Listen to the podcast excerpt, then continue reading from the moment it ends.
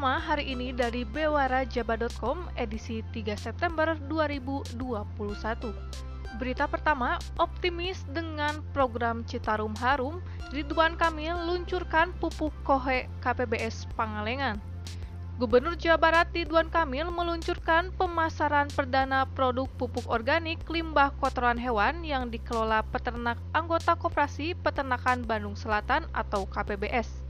Salah satu kelompok yang telah berhasil melakukan pengolahan kotoran hewan menjadi pupuk organik dan telah memiliki pasar adalah kelompok Taruna Mukti di Kabupaten Bandung.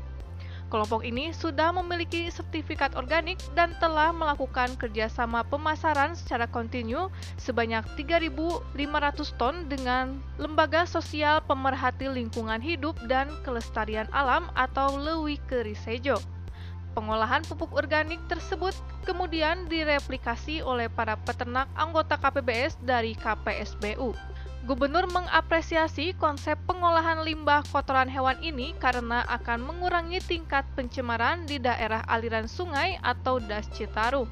Kang Emil, sapaan akrab Ridwan Kamil, optimistis program Citarum Harum akan selesai dalam tiga tahun karena mendapatkan kontribusi pengurangan masalah kotoran, limbah hingga sedimentasi. Kang Emil berharap pemanfaatan kotoran hewan menjadi pupuk organik ini bisa menjadi percontohan dan direplikasi di wilayah lainnya. Pada kesempatan yang sama, Ketua KPBS Pangalengan menandatangani perjanjian kerjasama dengan PT Lewi Kerisejo.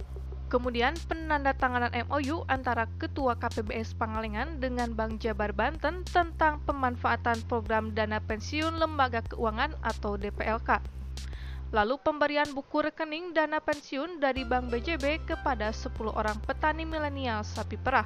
Sumber dari bewarajabar.com.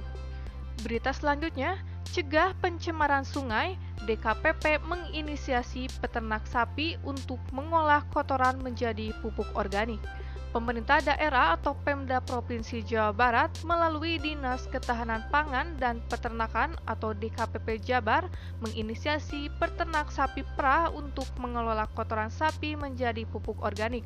Selain untuk menambah nilai ekonomi, misi yang paling penting adalah mengurangi masalah pencemaran dan kerusakan daerah aliran Sungai Citarum. Hal itu terwujud dalam peluncuran pelepasan pemasaran perdana pupuk organik limbah kotoran hewan atau KOHE yang dilakukan oleh Koperasi Peternakan Susu Bandung Selatan atau KPBS Pangalengan pada Lembaga Sosial Pemerhati Lingkungan Hidup dan Kelestarian Alam atau Lewi Keris Hejo. Di kantor KPBS Pangalengan, Kabupaten Bandung pada hari Kamis, tanggal 2 bulan 9 2021. Pada pengiriman perdana tersebut, KPBS mengirimkan 15 ton pupuk organik. Hadir secara virtual Gubernur Jawa Barat Ridwan Kamil yang melepas resmi pengiriman perdana tersebut. Selain itu juga hadir langsung Bupati Bandung Dadang Supriyatna, Kepala DKPP Jabar Jafar Ismail, Direktur UMKM BJB Jawa Barat dan pimpinan BJB Kabupaten Bandung serta Komando Sektor 21 Satgas Citarum Harum Kolonel Amnus Samsudin. Kepala DKPP Jabar, Jafar Ismail menuturkan, rencana aksi atau renaksi pengendalian pencemaran dari kerusakan PPK Das Citarum yang dilakukan oleh DKPP Jabar di antaranya pembinaan kepada para peternak yaitu fasilitas pengolahan limbah kotoran hewan atau KOHE menjadi pupuk organik yang diharapkan dapat menyelesaikan masalah pengendalian pencemaran dan kerusakan daerah aliran sungai Citarum.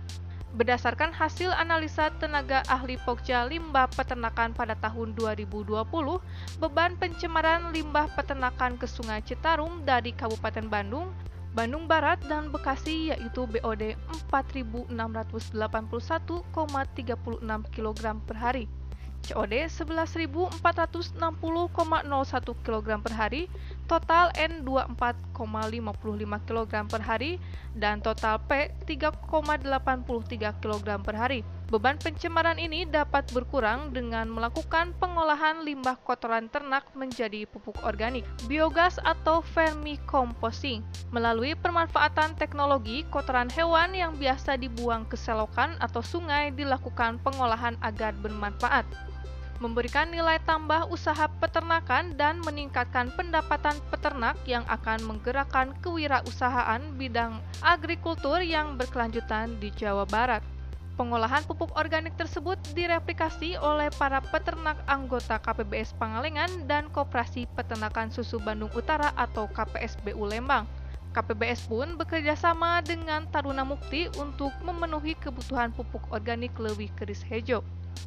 Selain itu, kepada para pemegang kebijakan baik di pusat maupun di daerah, kiranya perlu ada terobosan inovasi pengolahan kohe menjadi biogas, pupuk cair dan padat untuk meningkatkan pendapatan peternak. Dengan demikian, tingkat pencemaran di Das Citarum dapat terus berkurang, sehingga diharapkan dalam tiga tahun ke depan bebas dari pencemaran limbah peternakan. Sumber dari bewarajabar.com Informasi selanjutnya tidak kalah penting dengan dua berita dari bewarajaba.com karena informasi selanjutnya akan ada informasi dari giwangkara.com seputar tips 5 makanan dan minuman yang disarankan untuk tidak dikonsumsi setelah vaksinasi. Ada beberapa pantangan makanan dan minuman setelah vaksin yang sebaiknya dihindari.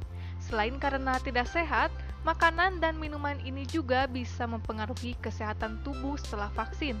Ada beberapa pantangan makanan dan minuman setelah vaksin yang sebaiknya dihindari. Selain karena tidak sehat, makanan dan minuman ini juga bisa mempengaruhi kesehatan tubuh setelah vaksin.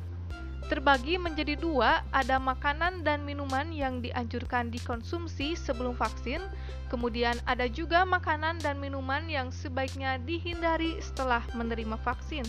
Bukan tanpa alasan mengapa beberapa jenis makanan dan minuman ini dilarang setelah vaksin. Hal ini dijelaskan dalam studi yang dipublikasikan lewat jurnal PLOS. Mereka menyebutkan bahwa kunci efektivitas vaksin sangat bergantung dengan gizi baik dalam tubuh karena jika tubuh memiliki gizi baik maka membantu memperkuat respon kekebalan tubuh saat menerima vaksin. Untuk itu, penting diingat bahwa makanan dan minuman yang kurang nutrisi atau vitamin sebaiknya dihindari. Dilansir dari CNN Indonesia, sebuah studi dilakukan untuk mengetahui persiapan atau hal-hal yang harus dilakukan dalam vaksinasi. Studi yang diterbitkan dalam jurnal Advanced Social Sciences dan Humanities ini mengamati 49 studi vaksin yang dilakukan sebelumnya selama tiga dekade terakhir. Hasilnya, stres menjadi faktor utama yang dapat mempengaruhi efektivitas vaksin. Selain itu, pola makan juga memainkan peran yang besar. Jurnal itu menyarankan untuk menjaga kesehatan serta pola makan setelah vaksin. Salah satunya dengan meningkatkan kesehatan secara menyeluruh dengan cara menerapkan pola makan tinggi makanan utuh yang mengandung serat dan minum lebih banyak air setiap hari. Orang-orang juga disarankan untuk sejenak menghindari minuman beralkohol, bahkan sejumlah negara melarang meminum alkohol sebelum dan setelah vaksin. Alkohol dikhawatirkan memiliki efek samping terhadap vaksin. Berikut 5 makanan dan minuman yang sebaiknya dihindari setelah menerima vaksin agar efektivitas vaksin lebih kuat untuk merespon kekebalan tubuh. Yang pertama, minuman beralkohol.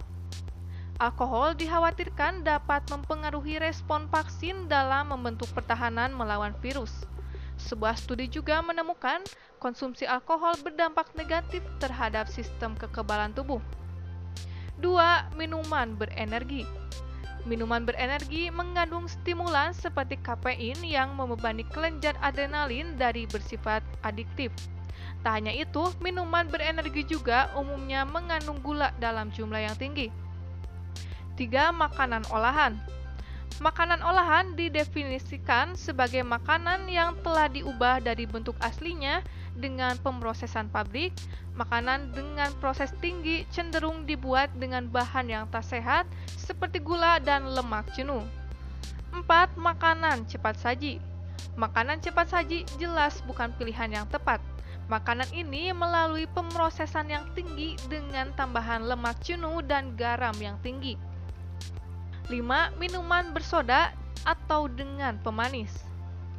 Kamu benar-benar disarankan untuk tidak meminum minuman jenis ini setelah vaksin. Minuman jenis ini tak memiliki satupun manfaat kesehatan. alih-alih sehat, terlalu banyak minuman bersoda dan minuman penuh pemanis bisa berisiko menambah berat badan, diabetes, kerusakan gigi, pembentukan lemak, kolesterol tinggi, dan masih banyak lagi risiko lainnya. Sumber dari giwangkara.com. Demikian berita utama hari ini dan juga berita tambahan informasi dari bewarajabar.com dan giwangkara.com. Untuk mengetahui berita-berita terupdate lainnya, silahkan kunjungi situs bewarajaba.com atau giwangkara.com dan koran Giwangkara. Saya Kuan Ocha, pamit undur diri. Jangan lupa jaga kesehatan Anda. Terima kasih dan sampai jumpa.